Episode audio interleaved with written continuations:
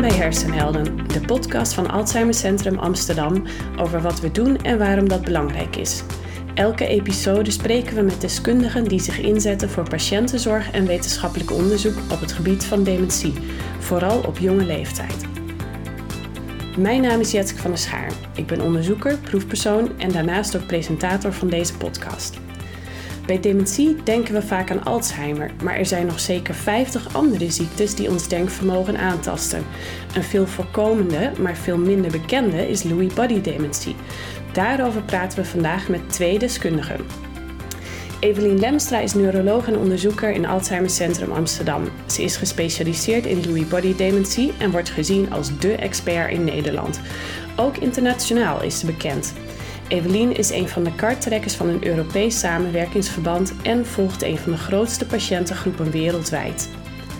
Tegenover haar zit Tim de Greven, een succesvol procesadvocaat hier op de Zuidas en ervaringsdeskundige.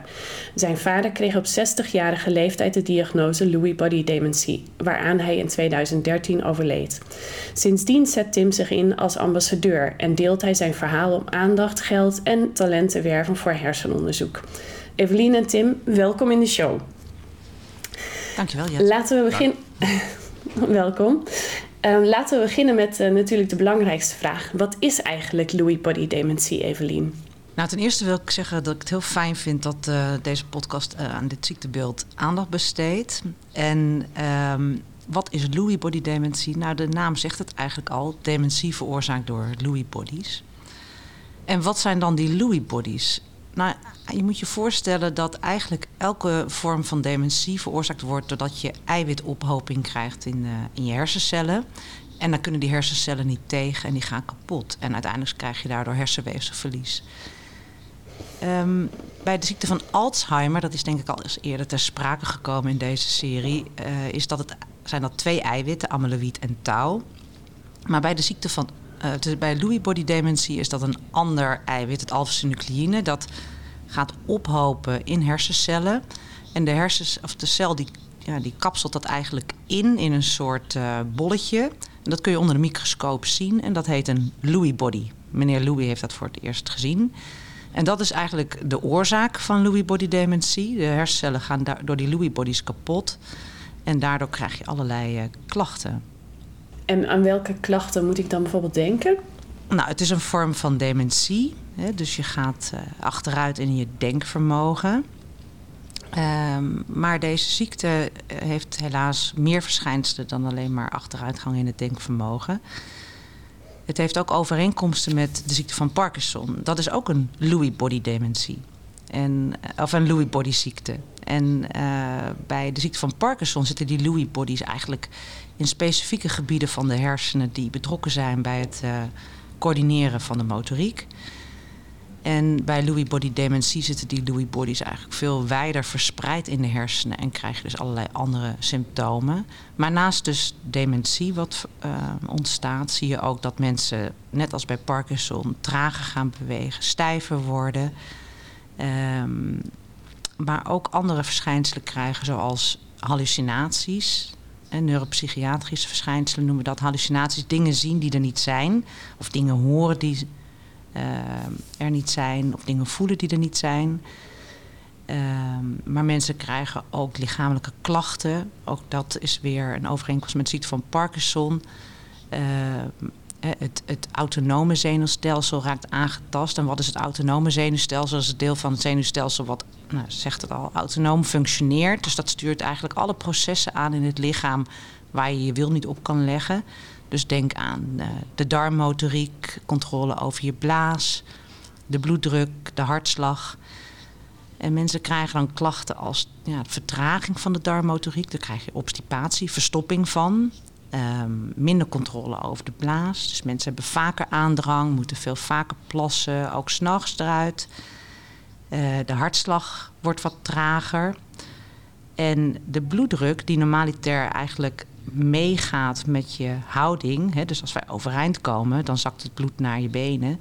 En je lichaam reageert daar echt in een mum van tijd op door de bloedvaten samen te knijpen. En daardoor blijft je bloeddruk op peil. Maar die reactie gaat dus bijvoorbeeld ook vertraagd. En daardoor krijgen mensen, uh, worden ze duizelig als ze opstaan. Licht in het hoofd. En een laatste belangrijk symptoom dat ik nu alvast even wil noemen, en daar komen we misschien nog op terug, maar dat is dus ook een gestoorde slaap. Met name de droomfase van de slaap, waarin we normaliter uh, ja, eigenlijk diep slapen en heel rustig liggen. Bij deze mensen die dit ziektebeeld hebben, die worden heel onrustig in de droomfase van het slapen gaan bewegen. Dus een scala aan symptomen. Ja. Ja, en, en niet de dingen waar je bij dementie in eerste instantie aan denkt. Hoe komt het dat juist deze klachten ontstaan? Um, ja, dat heeft denk ik te maken met de plekken waar de problemen zich ophopen, hè, waar die Lewy bodies zich ophopen. Um, dus het zit in de hersenschors. En in de hersenschors, dat is eigenlijk de buitenkant van de hersenen. Daar zitten uh, al je cognitieve vermogens met name. Uh, dus je denkvermogens. Maar meer dieper gelegen gebieden in de hersenen, daar zitten wat meer die basale functies. Zoals dat uh, aansturen van het autonome zenuwstelsel, maar ook Ehm, ja, de aandacht en de concentratie die je kan hebben. En als je verminderde aandacht hebt, dan ga, word je meer in jezelf gekeerd en gaan allerlei, gaat je hersenen gaan zelf allerlei processen produceren. Daardoor krijg je, ga je dingen zien of horen of voelen die er niet zijn. Uh, het motorische gedeelte, de, Parkinson-achtige verschijnselen, die zijn ook gelegen, veel meer in, in dieper gelegen gebieden in de hersenen. Dus de ziekte is, is verspreider onder de, uh, in de hersenen dan bijvoorbeeld bij Alzheimer, waar met name de afwijkingen in die buitenste laag van de hersenen zitten. Ja, want bij, bij dementie denken we ook vaak uh, eerst aan het geheugen, maar daar heb ik jou eigenlijk amper over gehoord. Nou ja, dementie is uh, een verzamelbegrip voor achteruitgang in cognitieve vermogens. En een van de cognitieve functies is het geheugen. Maar dat is wel frappant bij Lewy body ziekte. Dat is anders dan bij uh, Alzheimer. Blijft het geheugen relatief gespaard en zijn er andere functies die achteruit gaan. Maar laat, niet onverlet dat het nog steeds een vorm van dementie is. Maar de, het geheugen en taal blijven relatief intact. Uh, maar je ziet dat met name de aandacht en de concentratie vermindert. Mensen kunnen daardoor ook heel wisselend zijn. Uh, soms heel alert, soms heel erg um, heel verward en er helemaal niet bij. Uh, overzichtsverlies, moeite met, met plannen, met zelf initiatief nemen. Um, en vaak ook uh, vermindering van het inzicht in de ruimte. Tim, had, had jij wel eens van Lewy body dementie gehoord voordat jouw vader ziek werd? Uh, nee, nog helemaal nooit. Dus dat was, we hebben een spoedcursus gehad toen die diagnose. ja. Dan ga je, ga je jezelf verdiepen. Dus uh, dan ga je uh, ja. op internet kijken wat het is. Maar het, volle besef en, komt pas later hoor. Ja, kan me voorstellen. En wat was bij jouw vader de, de verschijnselen, de eerste klachten waardoor jij dacht: hier is iets niet in orde? Ja, uh, dat gaat heel geleidelijk. Dus dat is eerst, mijn vader was 60, dus dan denk je, ach, hij is ietsje minder secuur met dit of dat. En dat zal wel bij de leeftijd horen. En op een gegeven moment wordt dat in frequentie en in ernst neemt dat toe. En dan denk je, nee, dit is nu toch iets meer dan uh, papa wordt wat ouder. Uh, en dat begon met, met kleine verwarringjes. En uh, nou, dat, dat nam wat toe. Ook met dingen als uh, meer fysieke dingen, zoals het zijn overhemd goed kunnen dichtknopen. Dus kleine knoopjes en de fijne motoriek, daar kreeg hij wat meer last mee. Maar goed, dan, uh, dan hielp gewoon de, de, vrouw van mijn vader en was het probleem ook weer opgelost. Maar uiteindelijk kom je er to toch wel achter dat uh, alles tezamen het een beetje veel is. En dan uh, hebben wij het mijn vader verkocht als de APK voor 60-jarigen. Van laten we daar toch nog maar eens even een arts naar laten kijken. Zo is het begonnen. Ja, had jij, wat, waar dacht jij in eerste instantie aan? Als in, je had het gevoel, het klopt niet helemaal. Had je zelf al een beeld voor ogen wat het zou kunnen zijn? Ja, uh, natuurlijk niet specifiek Levybody, want daar wist ik op dat moment nog, natuurlijk nog helemaal niks van af. Uh, wij hadden wel al, uh, ja, je kijkt ook om je heen, je kijkt ook naar je, je, je grootouders van wat was daar aan de hand. Ehm, en mijn grootvader had ehm, de diagnose ooit gekregen van Parkinson.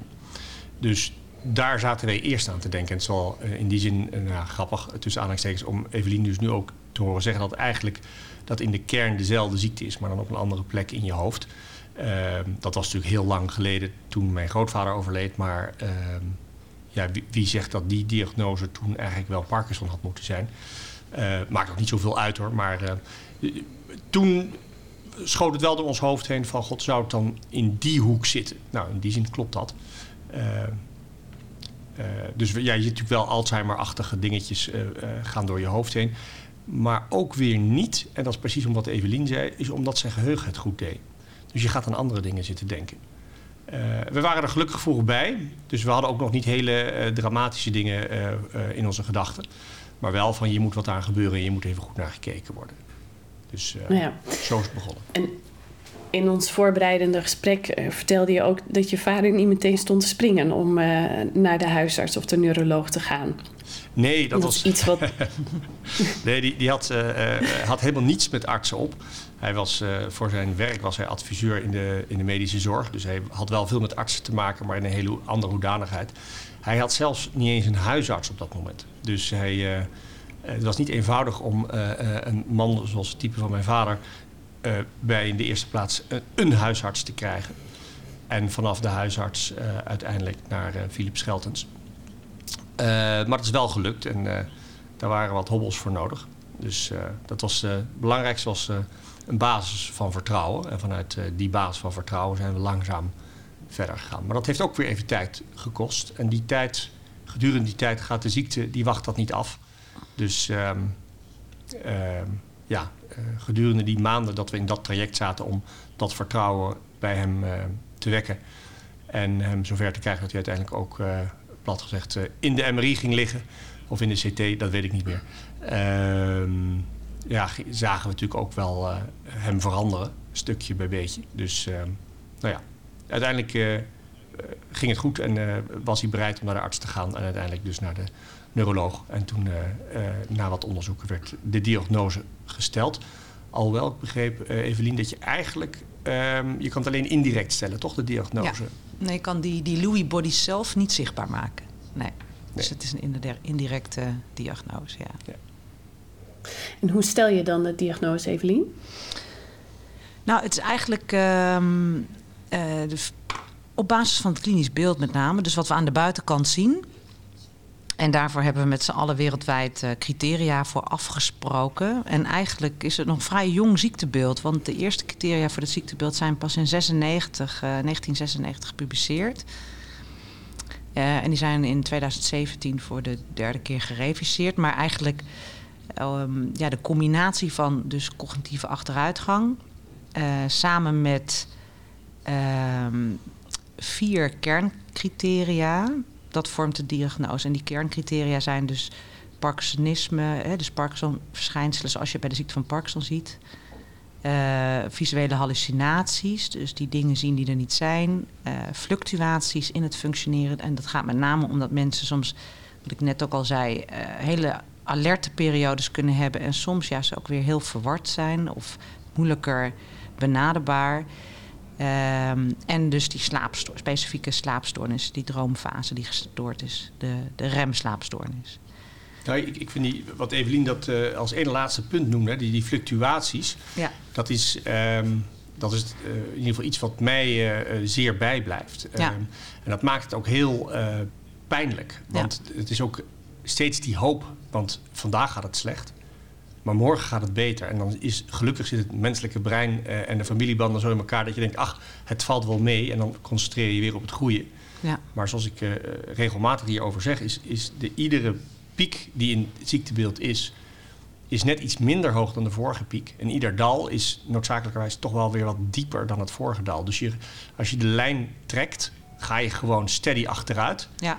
Maar tussentijds krijg je steeds even een sprankje hoop, want het gaat weer beter met papa of mama, ja. of, of oom of tante. Um, en dat, dat maakt het heel um, lastig te plaatsen en, en, en, en mee om te gaan. Ja, en, het, en dat is ook iets wat ik heel veel hoor van partners. Hè, want um, dat cognitieve functioneren kan dus een beetje op en neer gaan met eigenlijk goede momenten en slechte momenten.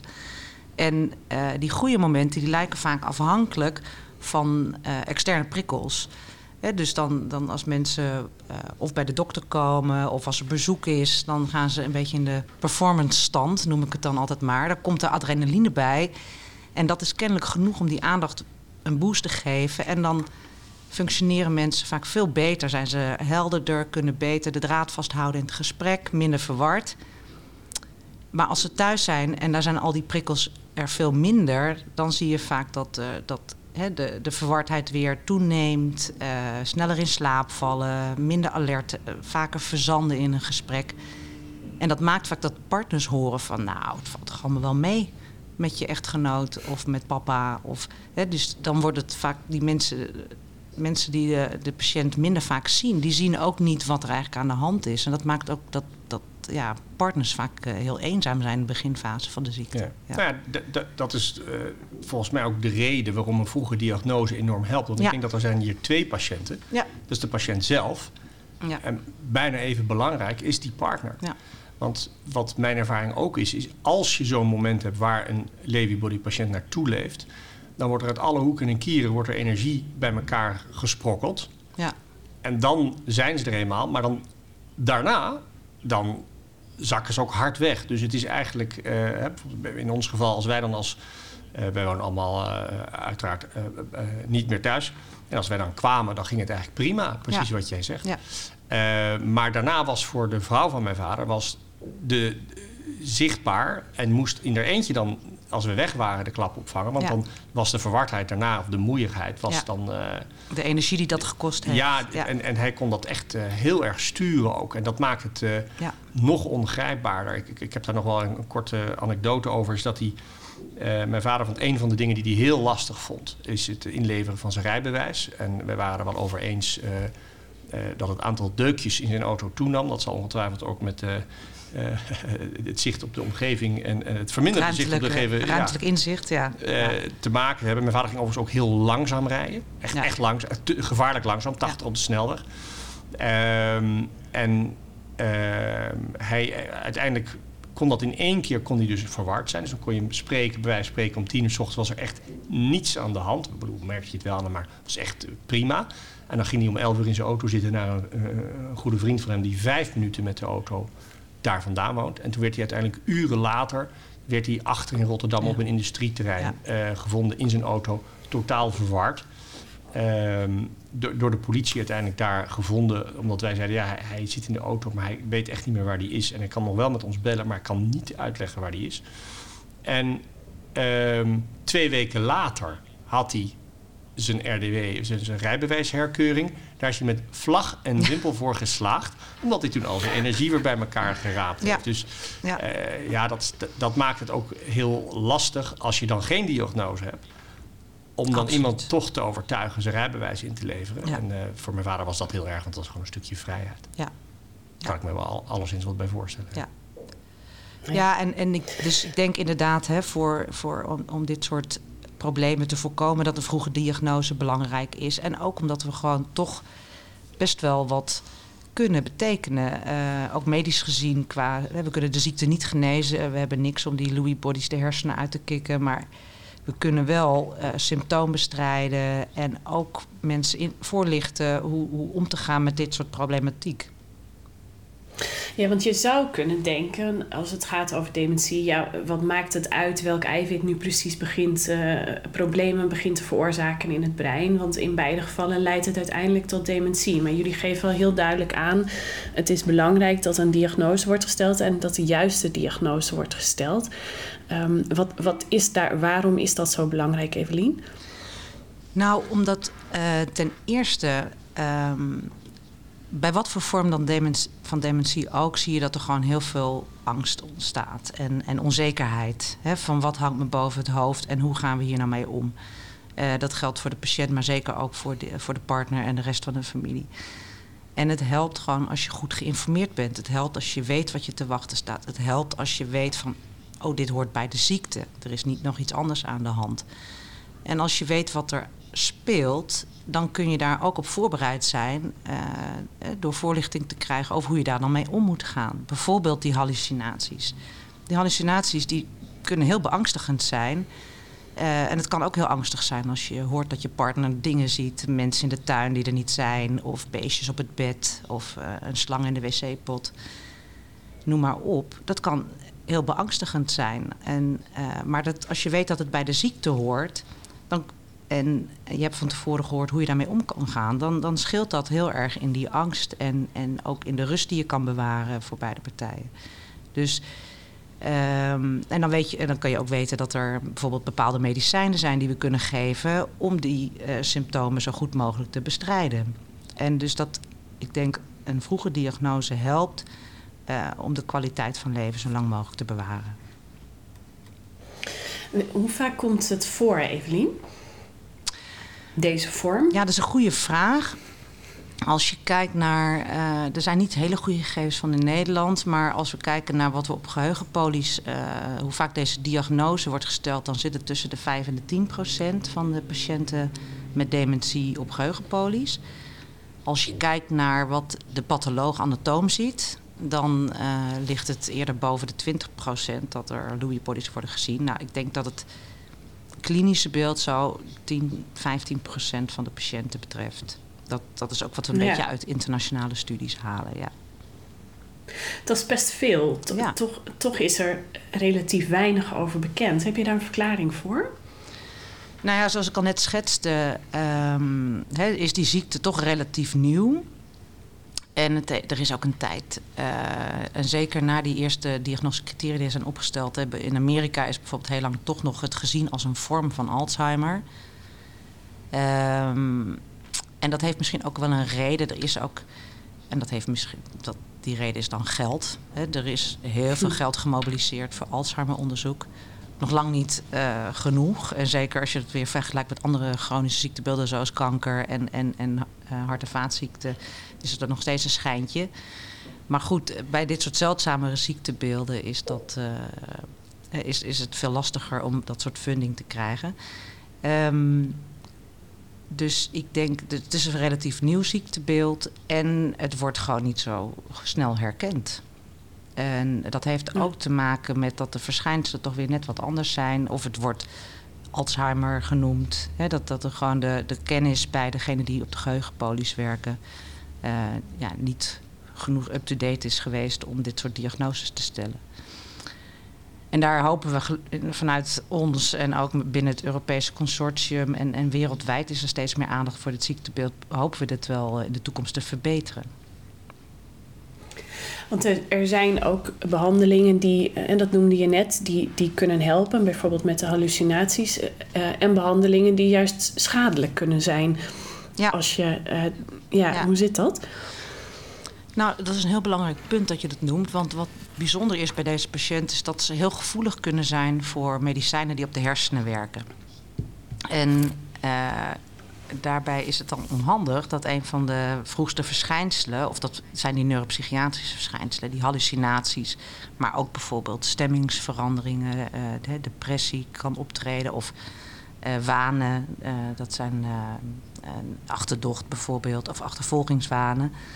En dat zijn allemaal symptomen die we normaliter bestrijden met medicijnen die op de hersenen werken. En veel van deze patiënten die reageren daar averechts op. Die worden dan, ja, dat noemen we dan uh, overgevoeligheid voor neuroleptica.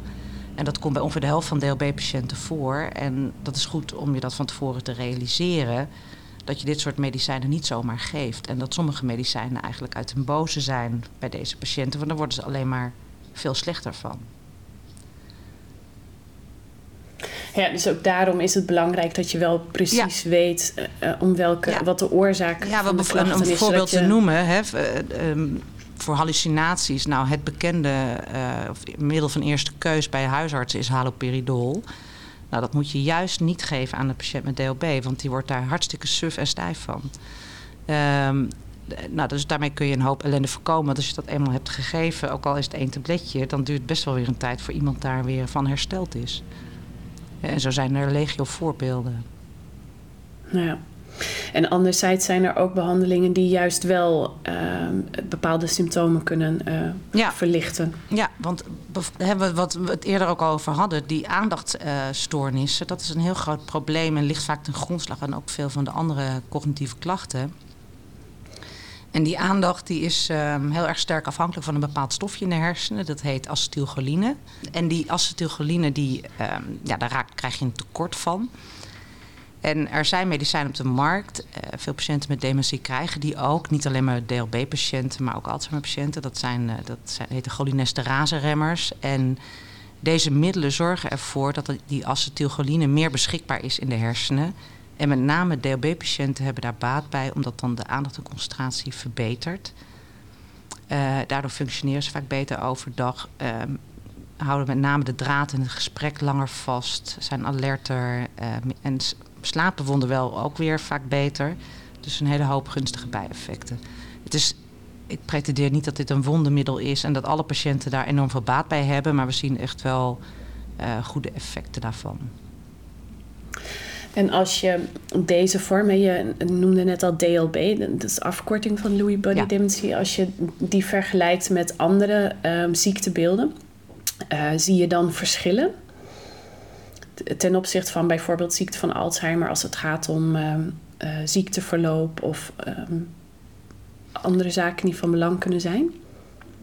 Kijk, de, symptomatologie is anders. Hè? Dus als je vergelijkt met de ziekte van Alzheimer, dan uh, zie je dat ehm, de progressie over jaren, met name de, de cognitieve achteruitgang betreft. Dus mensen worden steeds, uh, krijgen steeds meer last van de dementie en de geheugenklachten. De taal gaat achteruit en, en ja, verdwijnen eigenlijk een beetje als persoon, worden steeds leger. En worden op een gegeven moment helaas verpleeghuisbehoeftig. Datzelfde geldt ook voor DLB-patiënten. En um, alleen dan krijg je ook nog al die andere symptomen erbij. Dus ook de Parkinsonisme gaat achteruit en de neuropsychiatrische verschijnselen gaan achteruit. En um, het, ja, de, de, dementie die je ziet veranderen, die is toch wel anders dan bij Alzheimer. Je, ik, ik, weet niet of je dat bedoelt, of je daarop doelde. Want, uh... Ja, en bijvoorbeeld prognose of. Um... Um, nou, de prognose is min of meer vergelijkbaar met de ziekte ja, van Alzheimer. Okay. Dus, dus, dus ja, de en dat is ook een hele belangrijke vraag die altijd als vrij, snel gesteld wordt in de spreekkamer nadat mensen diagnose hebben ge, uh, gekregen. Hoe lang heb ik dan, dokter? Dat is heel moeilijk voor een individu. We weten dat op groepsniveau, dus als we een hele grote groep mensen met deze aandoening bekijken en uh, hoe lang het duurt tot het, uh, het overlijden na het stellen van de diagnose, dan is dat gemiddeld zo'n zes, zeven jaar. Maar er zit een spreiding in van, van, van twee tot tien jaar bij wijze van spreken. Of misschien nog wel langer. En uh, ja, dat heeft dan weer op individueel niveau heel erg te maken met allerlei andere factoren. Dus de leeftijd waarop de diagnose wordt gesteld. Heb je nog andere onderliggende ziektes? Uh, wat komt er verder nog op je pad? Maar de gemiddelde uh, duur van afstellen van de diagnose tot overlijden is ongeveer 6 tot 8 jaar. En dat geldt ook voor de ziekte van Alzheimer. Ja.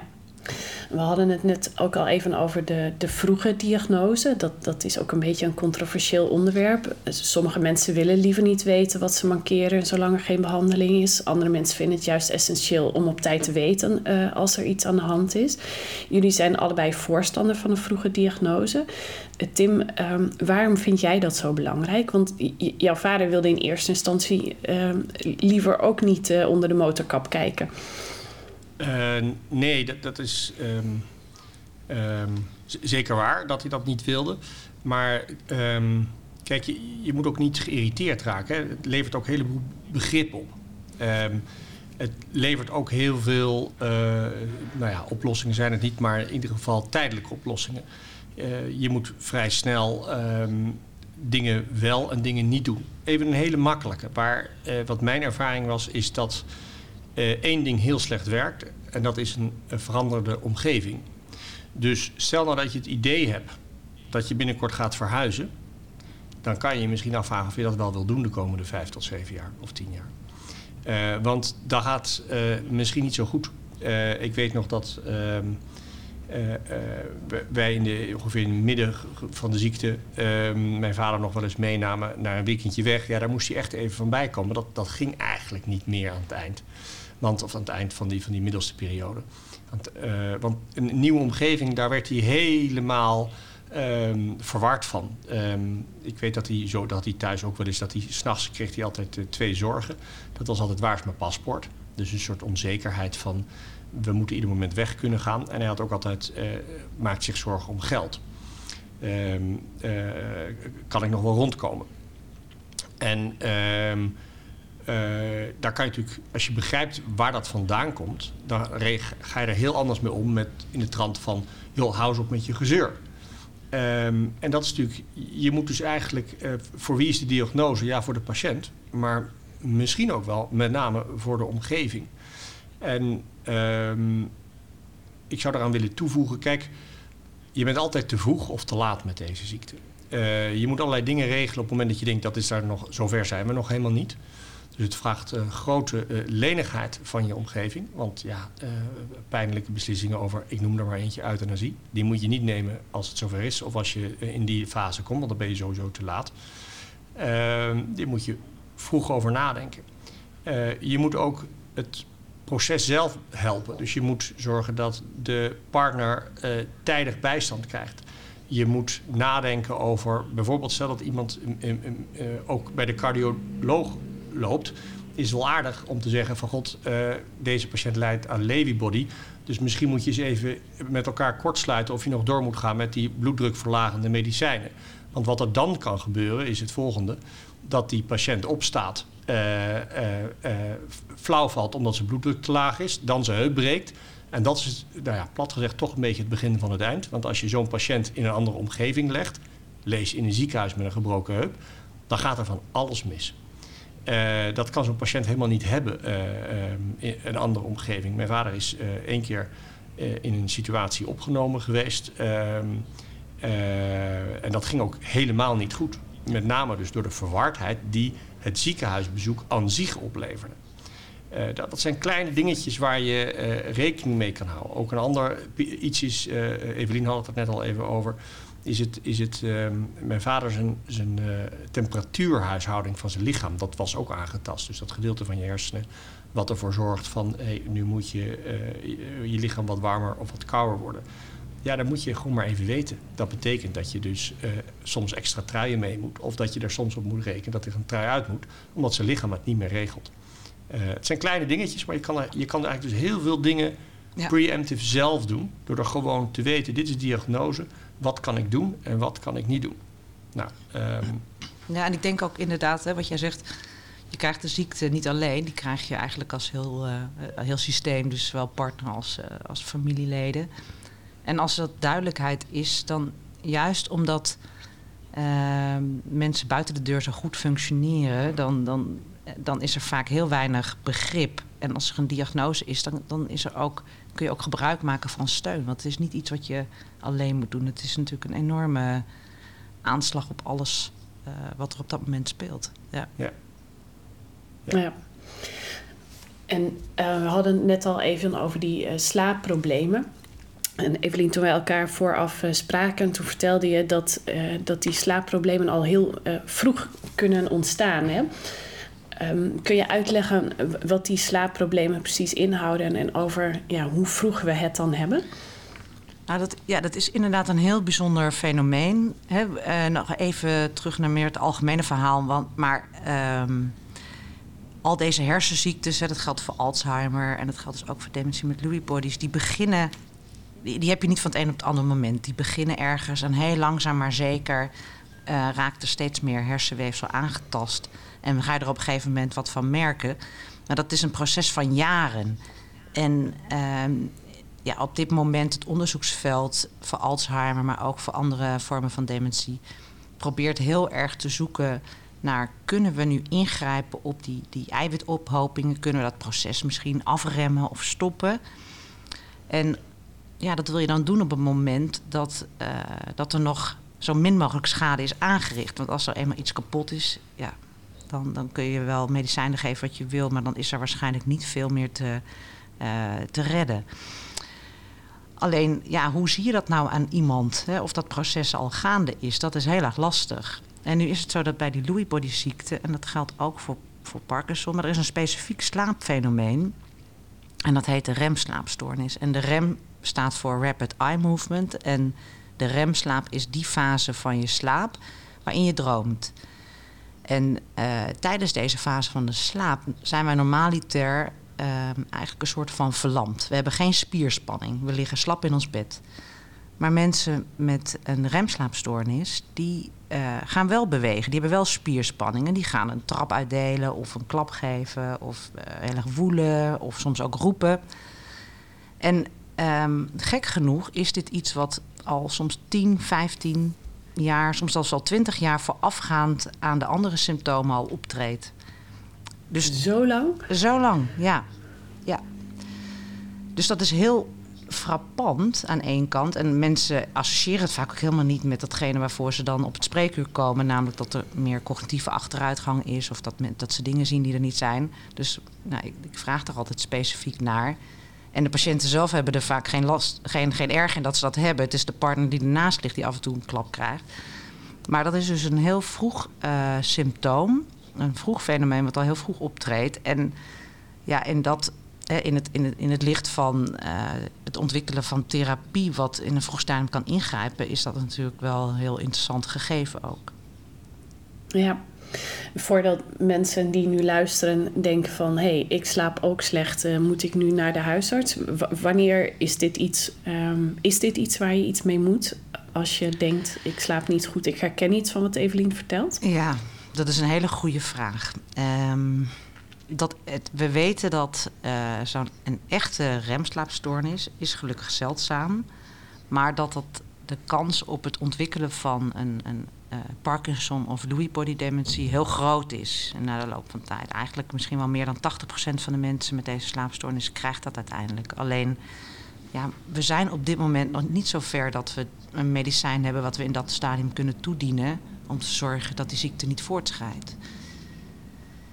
Um, dus dat is een beetje individueel bepaald. Er bestaan heel veel slaapstoornissen. En slaapstoornissen komen ook heel veel voor. En dat is gelukkig bijna nooit zo'n remslaapstoornis. Dus het is wel echt een heel specifieke slaapstoornis. En als je nu ja, daar iets in herkent, dan um, is het denk ik een beetje individueel bepaald of je daar wat mee moet. Oké. Tim, hoe, hoe gingen jullie in de praktijk met die, die slaapstoornissen om? Um, het lijkt me uh, lastig als dag-nachtritme zo beïnvloed wordt daardoor. Ja, um, eerst even over dat laatste. Dat klopt, want hoe slechter de nacht, hoe onvermijdelijk ook slechter de dag is. He, want de, om het zo te zeggen, uh, uh, als ik kijk naar mijn vader, die werd s ochtends met een, een, een zoals we eigenlijk allemaal wel hebben, als je plots in één keer wakker bent, dan ben je de eerste 30 seconden tot een minuut, ik verzin maar wat, ben je niet de allerscherpste uh, uh, van de dag. Dat komt later pas. Iedereen moet soms even wakker worden en is dan weer helemaal scherp. Bij uh, Lewy patiënten zoals mijn vader wordt dat steeds, duurt dat steeds langer. Dus mijn vader had eerst dat hij altijd een half uurtje... s ochtends wat verward was of wat minder scherp. En dan moest je twee, drie keer hetzelfde vragen... en was hij op zoek naar dingen die evident voor hem bekend zouden moeten zijn dat wordt steeds langer. Dat half uurtje wordt drie kwartier. En uiteindelijk was het zo dat hij, uh, nou ja, ik, uh, werd het ochtends werd het steeds duurde het langer voordat de sluier werd opgetrokken. En s'avonds trad die sluier steeds sneller in. Als hij echter een slechte nacht had gehad, dan was het twee keer zo lang. En op een gegeven moment uh, komt er nog een middagslaapje bij. Dus dan heb je het, rond dat middagslaapje heb je ook die sluier. En op een gegeven moment is die sluier aaneengesloten. Dan is de sluier van de ochtend nog niet weggetrokken voordat die van de middagslaapje of de avond is ingetreden. En dan is het, uh, ja, het helemaal het begin van het eind. Uh, dat kan je overigens, die sluier, daar ga ik zo wat over vertellen, kan je ook wel een beetje uh, op sturen. Ehm, maar even terug naar de slaap. Ehm, slechte slaap levert dus ook een slechte dag op.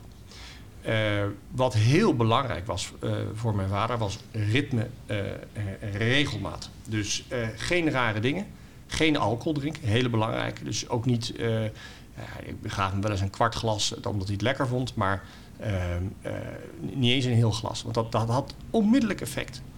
Um, dus geen alcohol, geen bijzonder eten, daar raakte ook zijn darmen allemaal van om. Dus alles waar hij van uit het lood kon raken, Ehm, eh, letterlijk een ingegroeide teennagel gaf een probleem. Want die ontsteking, als hij een ontsteking had ehm, aan, aan zijn hand of hij had iets gestoten of hij had een sneetje en hij, of had een griepje, dat, dat, dat hele systeem, uh, het is zo'n wankel evenwicht voor dit soort patiënten. Dus als hoeft er maar iets te gebeuren, ook al heeft het niks met de hersenen zelf te maken, dan was het meteen een kassa. Griepjes, uh, een sneetje dat ont, in je vinger wat ontsteekt, ehm, of een nacht die slecht verloopt door geluid of slecht slapen of omdat het te warm was of juist te koud, want daar, dat, moet je dus ook rekening mee houden. Dat was meteen ellende voor de dag. En het vermogen van zo'n patiënt om te herstellen wordt ook steeds minder. Um, kan je er dan helemaal niks aan doen? Jawel dus. Uh, uh, rust, orde en regelmaat, dat is één. Regelmatig eten, geen alcohol. Um, en wat ook nog wel kon is um, als hij uh, ja, prikkels toedienen. Positieve prikkels. Dus ik kon wel eens, dan, dan, zat hij op de bank of dan kwam ik even thuis.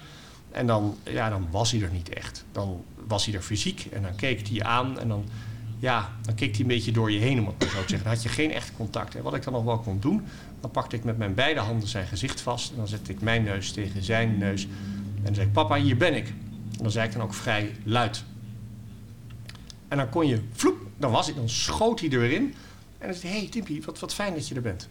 En dan uh, was hij echt even weg geweest en dan kon je hem terughalen. Alleen, dat kost steeds meer moeite. En het moment, de duur van het terugkomen, wordt ook steeds korter. Um, maar het kon wel. Dus je kon daar ook een beetje mee, uh, uh, ja, mee, mee omgaan. Het is wel altijd ja, vrij confronterend. Want je, je ziet, zelden zie je zo heftig een ziekte voor je als je dat doet.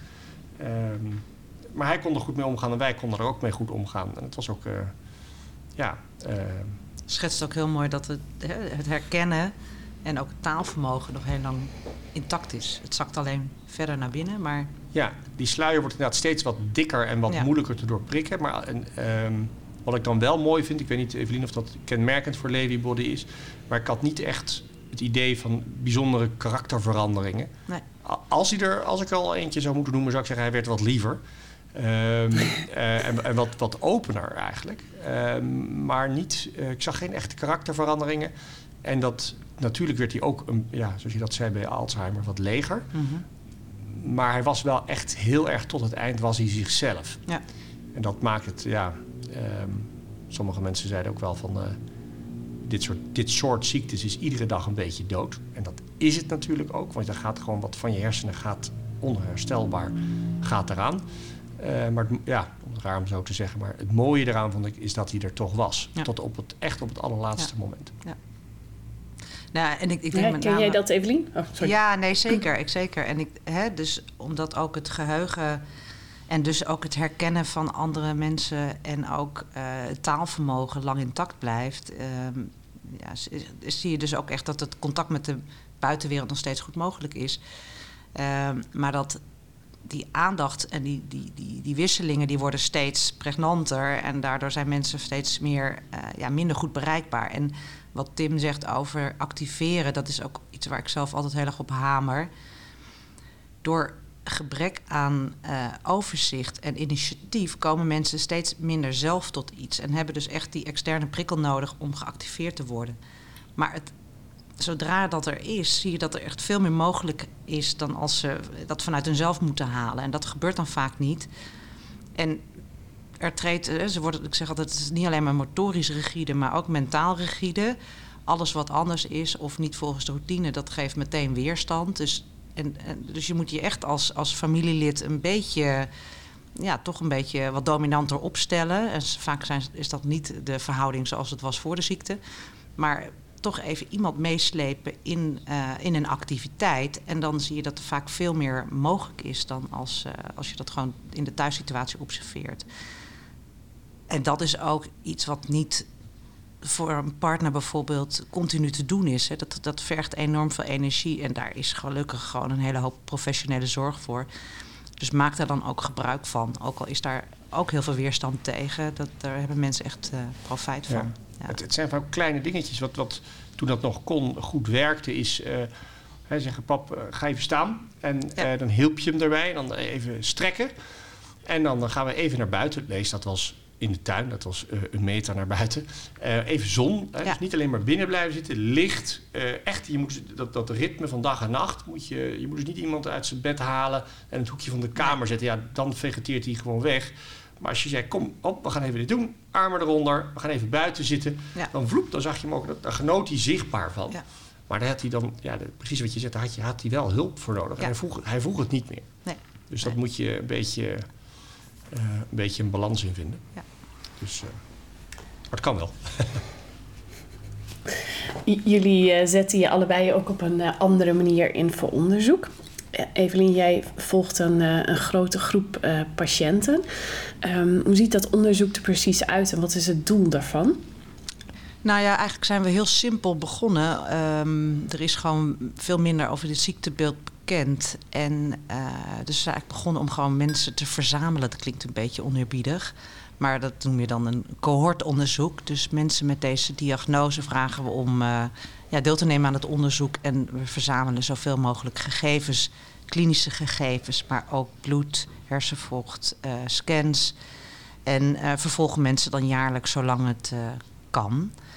Um, dat is ook onderdeel van een groter Europees project, waarbij we dus op die manier proberen inzicht te krijgen in het beloop van dit ziektebeeld. Want wat eigenlijk heel kenmerkend is, is dat het lang niet altijd hetzelfde verloopt. Je hebt natuurlijk al heel veel verschillende soorten symptomen, zoals we al eerder hebben besproken. Nou, bij sommige mensen staat bijvoorbeeld Parkinsonisme veel meer op de voorgrond. Uh, bij andere mensen die hebben met name heel veel last van de psychiatrische verschijnselen. Nou, we proberen een beetje grip te krijgen op, op het beloop van dit ziektebeeld in de tijd en ook de verschillen tussen individuen met dit uh, ziektebeeld. En dat doen we met uh, deze Develop-studie. En daarnaast proberen we ook, en dat doen we natuurlijk ook niet alleen, maar in samenwerking met heel veel andere vakgroepen en uh, instituties, proberen we te kijken van ja, kunnen we dan misschien nog, nog beter de diagnose stellen? Kunnen we nog ja, markers ontwikkelen die al in een vroege fase diagnose kunnen uh, duidelijk maken. En uh, nou, dat is ook onderdeel van dit onderzoek. Je uh, vertelde ook in onze voorbereiding over de resultaten, wat de belangrijkste uitkomsten zijn die je tot nu toe hebt gevonden. Kun je daar iets over zeggen?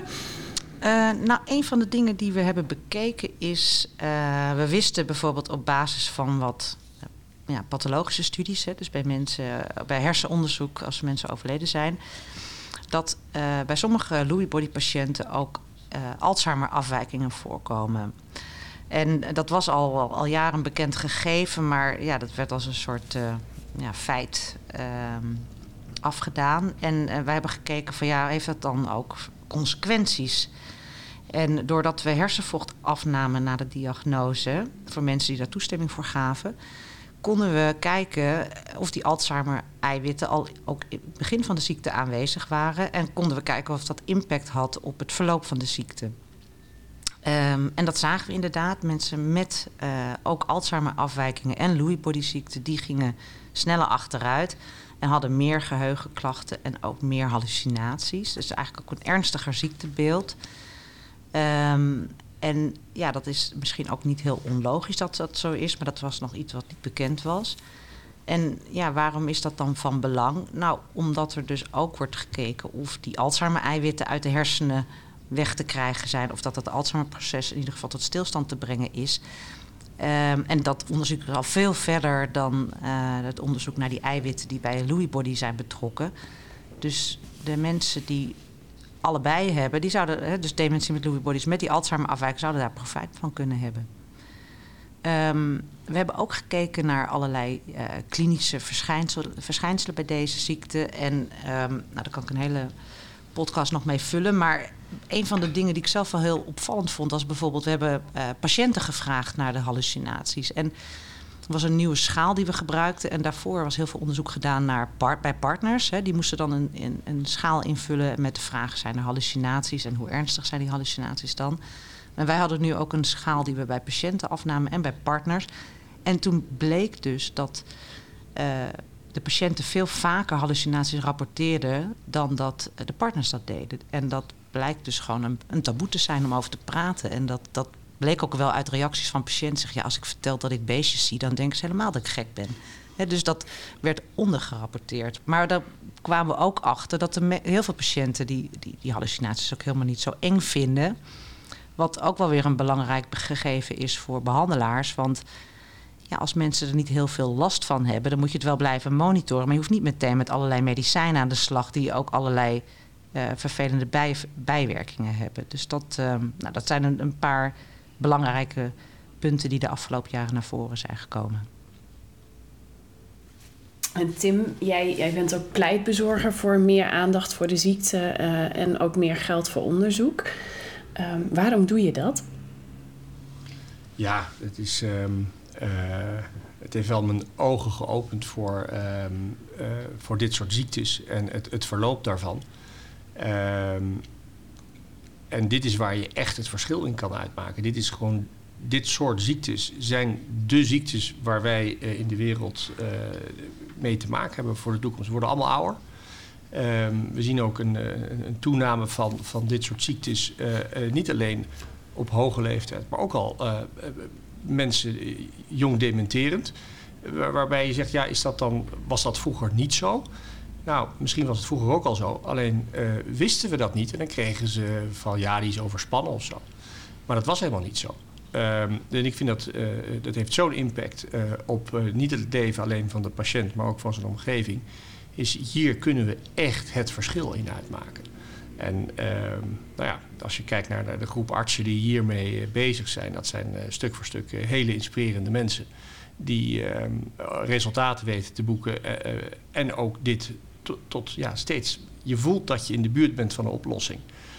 Maar we zijn er nog niet. En daar moeten gewoon alle zeilen bij om dat voor elkaar te krijgen. Um, en alle kleine beetjes helpen. En uh, als ik mijn steentje daaraan kan bijdragen, dan doe ik dat natuurlijk heel graag. En hoe, hoe, hoe draag jij dat steentje bij? Op welke manier zet jij je in? Uh, nou, door dit soort podcasts om mee te beginnen. Uh, maar ook door uh, Team Alzheimer. Dat is een initiatief ehm, van, van onder andere dit ziekenhuis. Waarbij ehm, jonge professionals zich verzamelen en periodiek nieuwe initiatieven lanceren om geld bij elkaar te krijgen. Onder andere de Alzheimer Socks, om maar eens even wat te noemen. Of de, de Challenge. Om de awareness te creëren. En het, ik moet zeggen, dat is buitengewoon inspirerend. Allemaal jongelui. Niemand wordt gevraagd dit te doen. Iedereen vraagt zelf, mag ik hierbij? Um, en iedereen die, die zet zich maximaal in om dit te doen. Dat zijn van allerlei verschillende bedrijven. Maar ook artsen zitten daartussen, jonge artsen, mensen die bezig zijn met een promotieonderzoek. Um, en die kruisbestuiving is, is hartstikke leuk om te zien. Echt heel inspirerend. Um, en wat het leuke is, we hebben zo'n mooie boodschap. Is dat je ook geen, geen, geen belemmering hebt. Je, hebt, je bent volstrekt uh, gerechtigd om bij iedereen op de deur te kloppen en zeggen: Dit is mijn boodschap, ik wil jouw aandacht, help mij. En dat is voor, uh, voor vele young professionals is dat een, ja, uh, een positie waar je zelden in bent. En alleen dat is al heel leerzaam. Dus uh, ja, het, vraagt veel energie. Maar ik zou bijna willen zeggen, het geeft nog veel meer energie. Wat mooi. Nou, dat is ook een uh, prachtige oproep uh, voor andere mensen om zich ook op deze manier uh, in te zetten. bijvoorbeeld voor de Alzheimer Challenge, die binnenkort ook weer gaat lopen. Ja. Um, ja. Ik zou jullie nog van alles nog wat kunnen vragen, maar we moeten door. Want we hebben deze, voor deze aflevering ook vragen gekregen van onze luisteraars. En um, ja, daar wil ik niet aan voorbij gaan. Dus um, daar gaan we nu even wat dieper op in. Want een van onze luisteraars stuurde voorafgaand een berichtje aan ons en zij schreef: um, Mijn man van 59 heeft Lewy body dementie in combinatie met Parkinson. Ik probeer meer informatie te vergaren over onderzoek en ondersteuning, maar waar kan ik terecht? Ja, zal ik die vraag beantwoorden? Ja. Ja, dat is ook wel weer uh, bijzonder hoe dat um, geformuleerd is, hè? Louis Body met Parkinson. Want eigenlijk, uh, zoals ik al aan het begin van deze podcast uitlegde, zijn dat ziektebeelden die heel erg aan elkaar verwant zijn. Dus ik denk dat deze uh, partner um, Louis Body dementie heeft, waarbij ook motorische verschijnselen, zoals bij de ziekte van Parkinson, optreden. En er wordt meteen een heel belangrijk punt aangestipt, want de informatievoorziening is beperkt. Dat is ook een van de dingen waar wij binnen ons onderzoek aan proberen te werken. Uh, samen met gespecialiseerde verpleegkundigen proberen we wat, wat onderwijsmateriaal te ontwikkelen en, en, en, gaan we in de landen op pad. Maar helaas is de kennis in de eerste lijn nog beperkt. En ook de patiëntenverenigingen die er zijn, Alzheimer Nederland en ook de Parkinson Stichting besteden er aandacht aan, maar dat is ook nog beperkt. Dat zou eigenlijk veel beter kunnen. Um, er is ook informatie te vinden op de website van het Alzheimercentrum, uh, www.alzheimercentrum.nl. Um, en er mogen ook altijd vragen gesteld worden via, de, via deze website naar mij, komen die dan uiteindelijk terecht. Um, maar dat is, ja, dat, daar is een beperking aan en we hopen dat we dat in de toekomst uh, kunnen uitbreiden. Als, als ik kunnen mag, mensen nog, nog meedoen aan jouw onderzoek, Evelien? Dat kan. Duidelijk. Uh, een verwijzing via de huisarts is, uh, is daarvoor nodig, maar dat is vaak niet zo ingewikkeld. Tim, jij wilde nog iets aanvullen. Nou, ik denk dat het een hele terechte vraag is. Het is um, um, uh, daar waar je behoefte aan hebt als die diagnose wordt gesteld. En dat zal dus met name zijn voor de omgeving, die wil dan meer weten, de, de, uh, de familie om, uh, en vrienden. En dat gebrek aan kennis, toegankelijke kennis, is ehm, eigenlijk in twee kanten te zien. Dus aan, in de voorfase, de eerste, de diagnose is gesteld en wat nu. maar je moet je ook voorstellen, uiteindelijk in de laatste fase verlaat je het ziekenhuis weer en dan heb je eigenlijk alleen met je eigen huisarts te maken. Want dan is het ziekenhuis niet meer betrokken. En dat, dat beseffen denk ik uh, niet alle mensen. Is, uh, je komt dus met wat kleine klachtjes, kom je uiteindelijk bij een neuroloog terecht. Uh, al dan niet, met een verwijzing bij je neuroloog. En die, trekt, die komt dan tot de conclusie, de diagnose, je hebt Levy-body. dan krijg je de behandeling, blijf je bij de neuroloog verbonden. Maar uiteindelijk in de laatste fase is het alleen aan jou en de omgeving natuurlijk en de huisarts.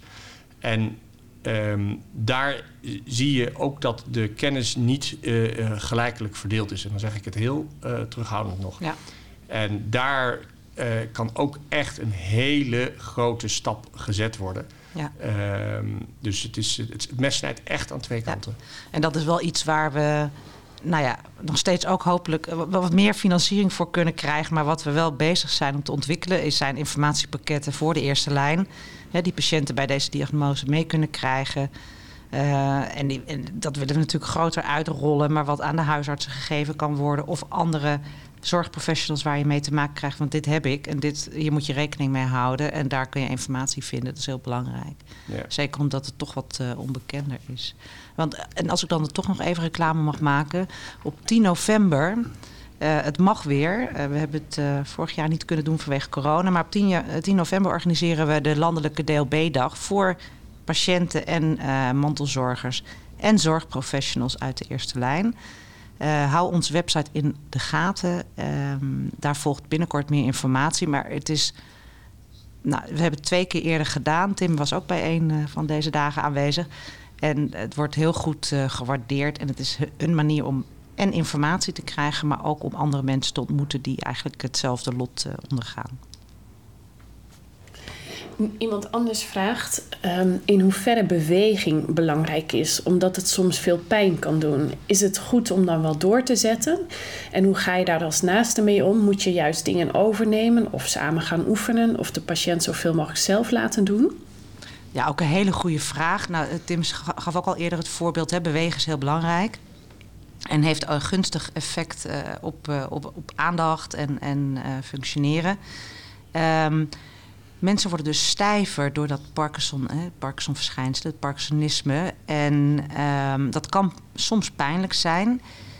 Um, het blijft belangrijk om ondanks die pijn ja, wel te bewegen. Um, het is natuurlijk eerst zaak om misschien met je huisarts te overleggen... komt die pijn niet stiekem ergens anders vandaan? Want soms kan op deze, wel zeker op oudere leeftijd... ook uh, heupartrose optreden of iets dergelijks. Maar als dat is uitgesloten, dan is het voor, die park, voor het Parkinsonisme van belang om te blijven bewegen.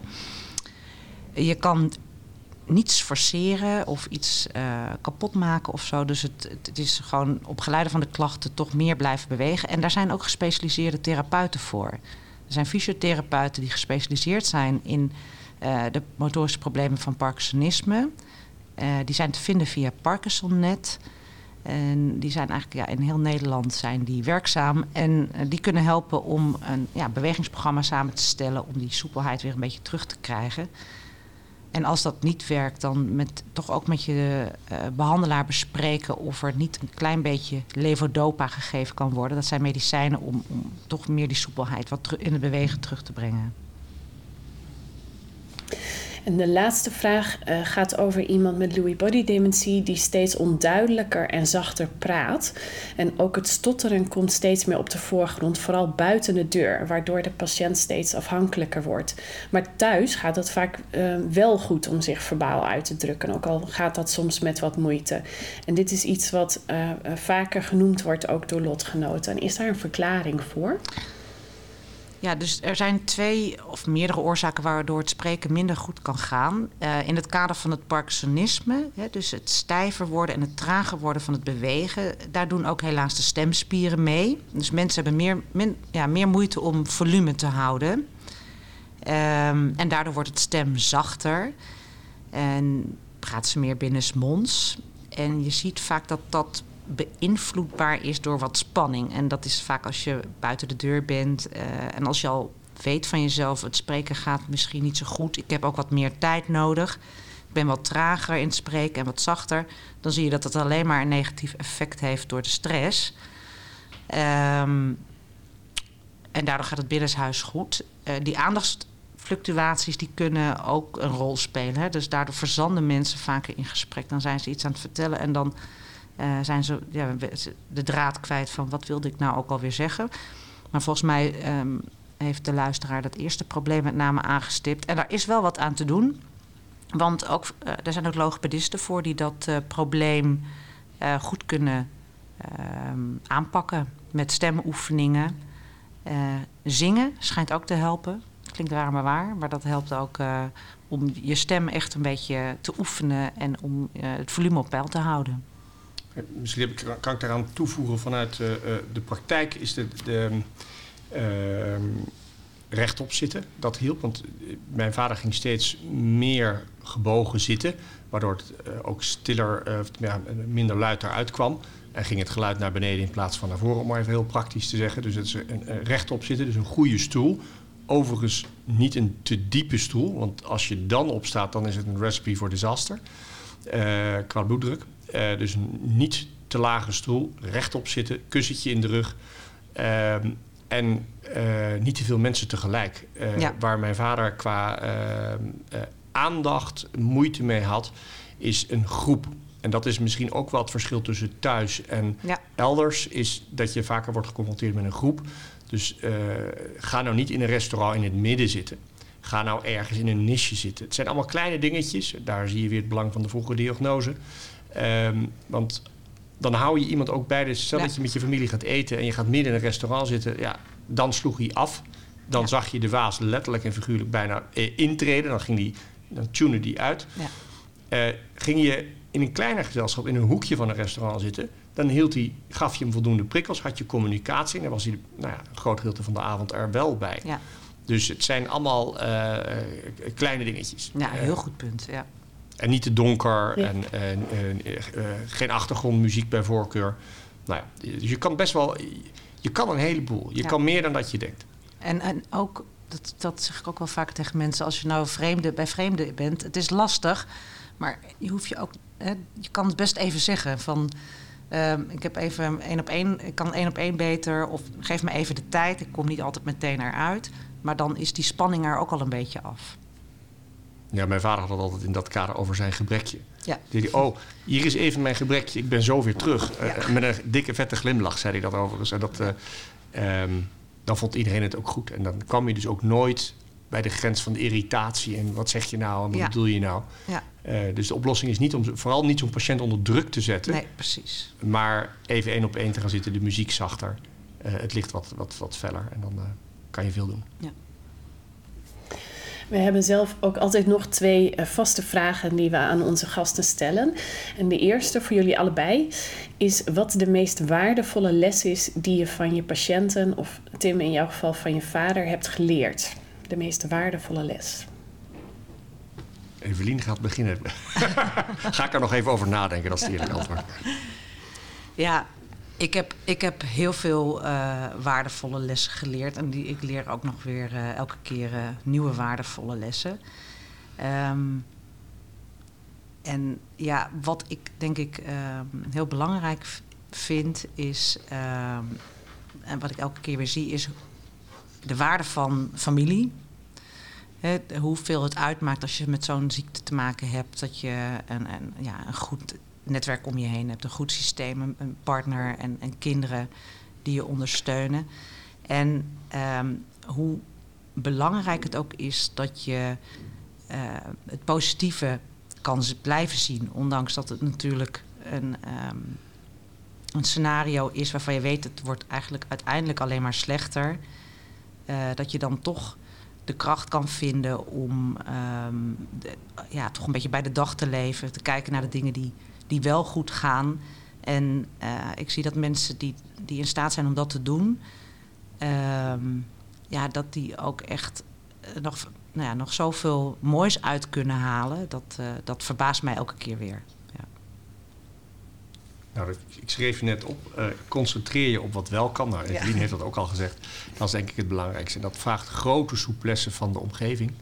Niet gaan kijken naar wat vroeger wel kon en wat nu niet meer kan. Dat heeft namelijk helemaal geen zin. Uh, stemt droevig uh, en draagt niet bij. Uh, dus je moet echt kijken wat kan nog wel. En dat maximaal doen, gecombineerd met prikkels geven. en dan is het, nou ja, kan je nog een aantal jaren um, ja, best kwalitatief een mooi leven. mijn vader heeft vanaf diagnose tot overlijden heeft dat uh, zeven, acht jaar geduurd. Uh, waarvan ik eerlijk zeg, dat de laatste twee jaar, dat waren niet, uh, nou, gaat niet de vlag vooruit. Ehm, qua, qua levensgeluk voor hem. Ehm, maar die eerste paar jaar, die waren echt, kijk ik met heel veel warmte en plezier op terug. hij heeft ook dat middel waar jij het volgens mij eerder over had, Excelon, heeft hij ja. de eerste paar jaren gehad. Uh, en toen die diagnose werd gesteld en hij kreeg uh, dat middel, waarvan we wisten dat dat ja, echt maar de vraag was of dat toevallig bij hem zou, zou aanslaan. Nou, bij hem werkte dat toevallig uh, goed. Voor de periode, nou laat het twee jaar zijn geweest. Als je zo'n diagnose krijgt, en ik kijk nu terug, dat is natuurlijk wel echt heel specifiek op het geval van mijn vader. Ja. dus ik wil dat niet algemeen zeggen, maar voor mijn vader God vooral die eerste twee jaar waren echt uh, heel mooi. We, hebben, uh, met we zijn met z'n allen, uh, waren al vrij hecht, maar we zijn nog alleen maar, we hebben intens genoten. En mijn vader heeft ook intens genoten in die periode. Veel mooie dingen gedaan. Um, en hij, deed, hij sprak toen bijna liefdevol over zijn gebrekje. Ja. En nou ja, aan, aan, die twee jaar denk ik dan maar terug. Ja. Nou ja, en, en ik denk, een, een, voorwaarde daarvan is, een voorwaarde daarvan is ook dat je dat je de diagnose tijdig krijgt en dat je ook nou, dingen kan regelen, dat je zelf het grip houdt. En dat geeft heel vaak rust. En dan is er ook rust en ruimte om die dingen te ja. doen die je leuk vindt. Ja, je moet inderdaad je geestelijk gezien moet je je zolderkamer opruimen en, ja. en ervoor klaar voor zijn. Je moet niet nog dingen nog willen doen of zo. Je moet ook dingen dus opgeven. Dat je zegt dat kan niet meer en dan moet je in berusten. Um, wel, wel, in ons geval hadden we ook gewoon euthanasie uh, uh, geregeld. Dat is nooit, hebben we gelukkig nooit hoeven doen enige waar ik nu later bij zeg van god, is er nou nog iets wat we geleerd hebben wat ik anders zou doen? Uh, ja, en dat is namelijk, um, uh, we hebben in zijn laatste fase, uh, toen werd hij in één keer heel erg ziek. Een griepje, weet ik niet precies wat er was, maar het ging even echt niet goed. Toen is hij opgenomen geweest. En toen hebben we hem nog wel, ja, eigenlijk gewoon standaard, want hij is ziek, hij had verhoging 40 graden. Dus geef je iemand antibiotica. Als wij toen niet hadden ingegrepen, want je denkt er niet eens over na. Natuurlijk krijgt hij antibiotica. Maar dan als we hem gewoon uh, uh, zijn onrust en zijn, zijn pijn hadden weggenomen, toen, dan was hij gewoon veel natuurlijker en sneller gegaan. Had hij die laatste fase uh, niet gedaan. Dus ja, misschien hadden we eerder ervoor kunnen kiezen. Dan heb ik het dus niet over euthanasie, maar meer de natuur. Behandelbeperkingen. Ja, ja, En, dat op, en dat is dan dat, ja, dan, dan laat je meer de natuur Ja. zijn werk gaan. Want het, het schept ook verantwoordelijkheden. Als je iemand in zo'n laatste fase antibiotica geeft, dan hou je iemand toch in leven. Maar doe je dat voor jezelf Ja. of doe je dat voor hem? En die vraag moet je op een moment stellen dat je daar nog helemaal niet aan toe Nee, bent. nee, helemaal gelijk. Onze tweede vaste vraag is: eh, wat is het belangrijkste punt wat je mee wil geven aan onze luisteraars? Maar jullie hebben al zoveel mooie belangrijke punten gedeeld dat ik niet weet of er nog eentje bij moet. Hebben jullie nog een punt of eh, laten we deze? Nou, ik, ik ben het met je eens. Er zijn al heel veel dingen genoemd. En ik denk, eh, we kunnen het nog een keer benadrukken. Probeer actief te blijven. Ik denk dat dat een belangrijk punt is. Binnen de, Ja. binnen de beperkingen die er zijn. Maar ja. En als allerlaatste houden we in deze podcast elke episode een alternatieve theorie, aanpak, behandeling, bewering, feit, fabel tegen het licht. En voor jullie heb ik de stelling eh, die soms wordt gehoord. eh, en dat is Lewy body dementie is veel erger dan Alzheimer. Wat vinden jullie daarvan? Nou, ik zal het uit, vanuit medisch oogpunt ehm, toespitsen. Maar ehm, kan Tim straks eh, zijn ervaring daar tegenaan gooien. Ehm, ja, ik krijg dat vaak te horen. En ik denk eh, dat dat niet zo is. Ehm, het zijn allebei ja, desastreuze ziektebeelden. ehm, die allebei ja, in de loop van jaren eh, verslechteren. Maar het, het verschil is denk ik waarbij Alzheimer ja, echt iemand verdwijnt voor mijn gevoel. Hè, do- doordat het geheugen eh, zo wordt aangetast en ook het taalvermogen, zijn mensen met Lewy body dementie, die, die blijven nog langer zichzelf. Dat, dat maakt ook dat ze vaak ook tot langer in de ziekte bewust zijn van dat er met, iets met ze aan de hand is. Maar dat is misschien een keerzijde, maar ze zijn wel, ehm, mits op de juiste manier geprikkeld, nog in staat om, om, om ja, op de manier zoals ze altijd waren te communiceren, mensen te herkennen, eh, nog een keer een grap tegenaan te gooien.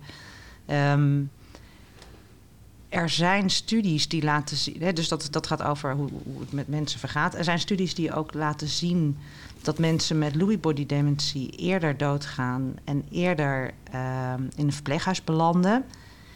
Ik denk dat dat ehm, onderzoek is wat voor verbetering vatbaar is. En, en dat als we nu kijken en als mensen sneller de diagnose en beter de diagnose gesteld krijgen en ook adequaat behandeld worden, dat we dan die lijn met Alzheimer wel gelijk kunnen gaan trekken in de toekomst.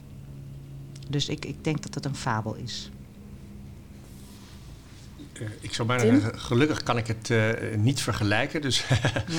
maar kan- moet ik het doen dus op verhalen over Alzheimer? Ik, ken- ik ken wel mensen met Alzheimer, maar niet zo dichtbij als, eh, als mijn vader. Ehm, eh, ik, ik sluit me helemaal aan bij wat Evelien daarover zei. Over dat je dus jezelf bent. Dat is in die zin ook wel weer het pijnlijke. En eh, Ja. gelukkig heeft mijn vader die heeft, eh, eh, thuis mogen sterven. En is dus niet het verzorgingshuis ingegaan. Ik kan mij voorstellen, maar dat is meer een vraag dan, dan dat ik dat weet hoor. ehm, dat het voor mensen die dus dat echt nog dat besef hebben, dat er iets mis met ze is, dat het voor hun vervelender is om naar een verzorgingshuis te gaan door men, dan mensen die ehm, leeg zijn geworden door Alzheimer. Die geen besef meer hebben wat, wat de omgeving doet. Dus het is, ehm, het is maar net hoe je het bekijkt, hoe je het beleeft, wat de omstandigheden zijn. Eh, maar ik denk dat ik eh, niks nieuws zou zeggen als in allebei de gevallen, en los van welke ziekte, dat je de laatste paar jaar eh, deze patiënten graag gunt dat ze die niet hebben gehd. En ge- geef ze ook de ruimte om te Ja. sterven. En dat betekent dus in het geval van mijn les van zorg dat je de natuurlijke weg van, van, eh, van sterven niet blokkeert door antibiotica te geven. Ook op een fase waarin het eigenlijk denkt, ja, hij kan nog wel een stukje. Maar dan doe je, doe je dat voor jezelf, voor de patiënt. Want als ik het goed zeg, Evelien, aan de ziekte zelf, in behoudens wellicht extreme gevallen ga je niet dood. Je gaat meestal aan de complicaties daarvan overlijden. je, dat Tot klopt. aan een longontsteking. En Ja. mijn vader kon niet goed meer slikken. En dan Ja. komt dat dan in de longen terecht. En dat leidt dan tot een longontsteking. En, en, en, en het zijn ook, vaak eh, infecties en ja. het feit dat je immobiel wordt en, krijg eh, stolsels in je bloed of dat soort dingetjes. en daardoor kwetsbaar. Ja, ja. Ja. Maar geef dan de ruimte. En, en het is, dat is ook niet het moment om dan met je familie in overleg te gaan van hoe gaan we met papa, mama of of tante om. Eh, je moet dan in, in, in rust kunnen zeggen, we geven nog pijnstilling en we halen de waanideeën en de, de nachtrust verbeteren. De waanideeën weghalen, nachtrust verbeteren. En geef, geef ook gewoon iemand de ruimte om rustig te sterven. En uh, betekent zo niet behandelen. Ja. Evelien en Tim, ik wil jullie allebei ontzettend bedanken voor het delen van jullie kennis en ervaring. Um, en we hebben een paar keer gezegd, er is een, een groot tekort aan informatie over Lewy body dementie. En ik, ik hoop dat we met deze episode daar een, een klein beetje verandering in kunnen hebben brengen. Um, vooral ook door alle praktische tips en handvatten die jullie hebben gegeven. Dus, um, ik wil nog even eh, herhalen dat als je nog vragen hebt, dat je daarmee terecht kan uh, bij het Alzheimer Centrum Amsterdam. En dan komen ze bij Evelien. En vooral ook um, nog een keer de Lewy Body Dementie Dag noemen. En die was op donderdag 10 november. We hebben deze episode opgenomen op 11 april 2022. Evelien en Tim vanuit Alzheimer Centrum Amsterdam en ik vanuit huis omdat ik herstellend van een griepje ben. Met dank aan Mark Brouwer die achter de knoppen zit en zelfs op afstand de techniek voor ons regelt. Wil je meer weten over Alzheimer Centrum Amsterdam? Dan vind je ons op Twitter, Facebook, Instagram en LinkedIn als je zoekt op Alzheimer Centrum Amsterdam. Heb je een vraag of opmerking over deze podcast? Stuur dan een bericht naar hersenhelden.amsterdamumc.nl. Tot de volgende keer.